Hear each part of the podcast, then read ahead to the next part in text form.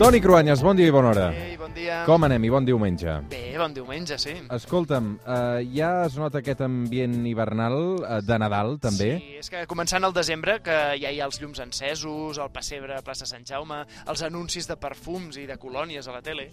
Realment són tots aquests clàssics que a vegades fan tanta mandrofa o te fan tanta il·lusió. Eh, depèn com tu miris i que, de fet, aquests dies n'hem parlat molt, eh, es capitalitza amb aquest fenomen. El Black Friday mou 1.600 milions d'euros en vendes a Espanya i la previsió és que aquest any creixi un 10%. Això representa multiplicar més d'un 200% el que es vendria un dia normal, segons dades de Google. Això és un Bona cap de setmana encasellat entre aquest Black Friday i el Cyber Monday. Cruanyes, tu no sé si ho has aprofitat també per anar de compres, ja. Eh, ja he comprat alguna cosa, eh, Alguna que ja cosa. venen reis, tions, però és que això ha canviat molt en, en poc temps perquè tots ens hem americanitzat no? amb el Thanksgiving i això de les rebaixes que ja venen després de les festes i nosaltres eh, en una campanya de gran consum prèvia a Nadal i Reis. Consumisme en estat pur, fins i tot eh, fora de la lògica comercial, també, que hem conegut fins ara.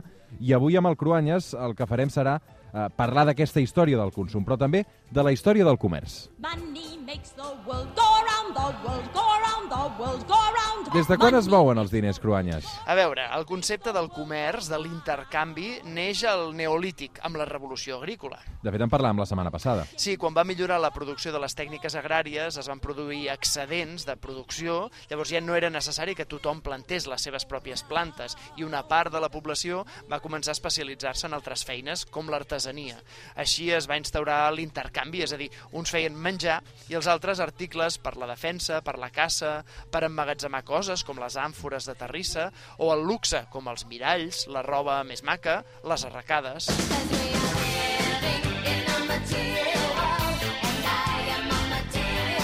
Material Girl, ens imaginem les dones del Neolític vestides amb els luxes de Madonna, no? Eh, una dona del neolític potser no, però, però la imatge que tenim de Cleòpatra, per exemple, Sí. sí que ja s'assembla una mica a les possibilitats que el luxe i la riquesa donaven per al consumisme i l'adonisme, només, clar, de la classe dirigent, a les primeres civilitzacions, però. I els egipcis són coneguts pels seus luxes i la capacitat arquitectònica amb les piràmides, però eh, no en aquest cas com a comerciants, no? No, és que els egipcis produïen béns luxosos, però van ser els fenicis els que els compraven, tant a Egipte com, per exemple, a Mesopotàmia, i després ho venien a les costes de l'Europa occidental.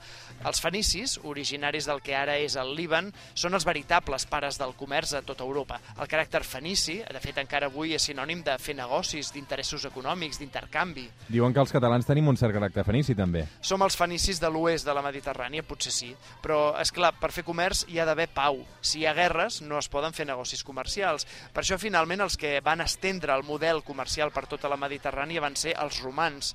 Amb el domini militar i polític, va ser Roma qui després va donar sentit a aquest concepte del diner, de les monedes. I abans de les monedes hi va haver objectes que es van considerar que tenien el valor d'objectes concrets, com les dents de balena, o les llavors de cacau, o unes petxines en formes concretes. Hi havia algunes tribus que fins i tot utilitzaven els porcs, eh? un porc com una moneda de canvi. Les petxines i les dents de balena que deies són els més coneguts o que s'expliquen a les classes d'història.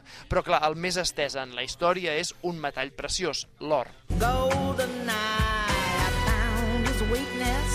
Tina Turner, aquesta setmana ha fet 80 anys, Cruanyes. Des de l'antiguitat fins avui, l'or és l'expressió màxima de la riquesa. Les monedes es van fer justament d'or o de plàtan.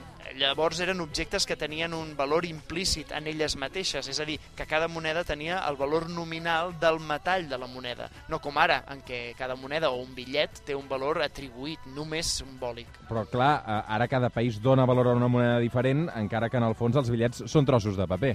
Clar, és que el reconeixement del valor universal d'una moneda ja és un altre concepte, un concepte nou, seria la divisa. Una divisa ja sí que és un valor acceptat per una comunitat molt més àmplia.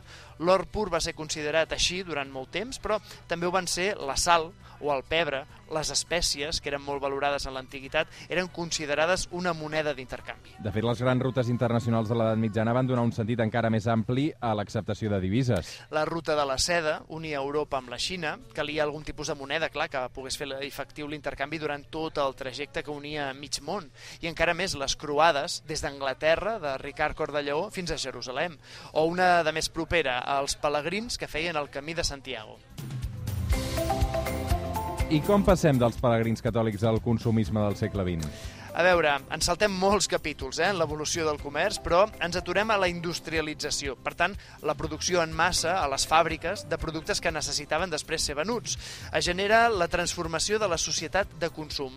Passem d'aquesta societat de consum a una societat impesa directament al consumisme. Abans de la revolució industrial ja hi havia qui consumia més del que necessitava, però és amb la multiplicació de la producció que també es multiplica el consum. Sí, aquesta és la lògica econòmica, però també hi ha uns fons més tenebrosos, és a dir, a banda de models polítics i de revolucions de tot tipus viscudes al segle XX, però el naixement de la societat de consum està vinculat al psicoanàlisi. Què vols dir amb això?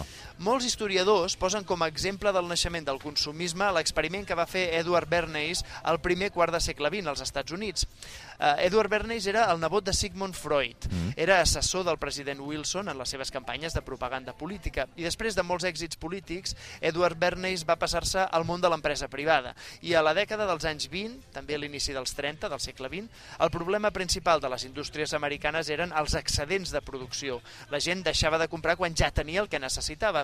Edward Bernays va seguir les teories del seu oncle, de Freud, i creia que l'ésser humà té un fons irracional frenat per les lleis i la convenció social. Bernays va voler canalitzar aquestes emocions irracionals a favor dels interessos de les empreses a través de la publicitat. I com ho va fer? Mira, l'exemple que destaquen molts historiadors és la campanya que Bernays va fer per la American Tobacco Company, que volia augmentar el seu mercat, i es va fixar en la població femenina d'aquella època.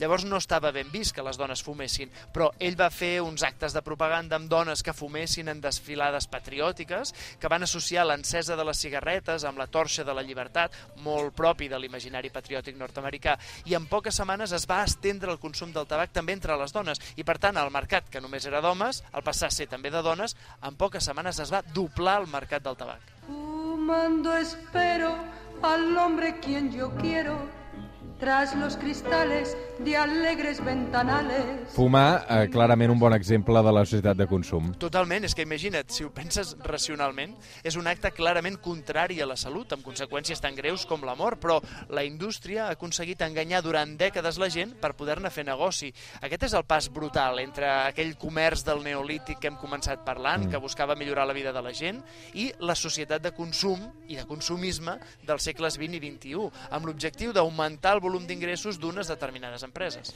Déu-n'hi-do la recomanació que em fas avui per arribar a les 9 del matí, eh, Cruanyes? Eh, Sara Montiel. Sara Montiel, vinga, fumando espera, no ens ho agafem al peu de la lletra. Una abraçada, Toni. Bon diumenge.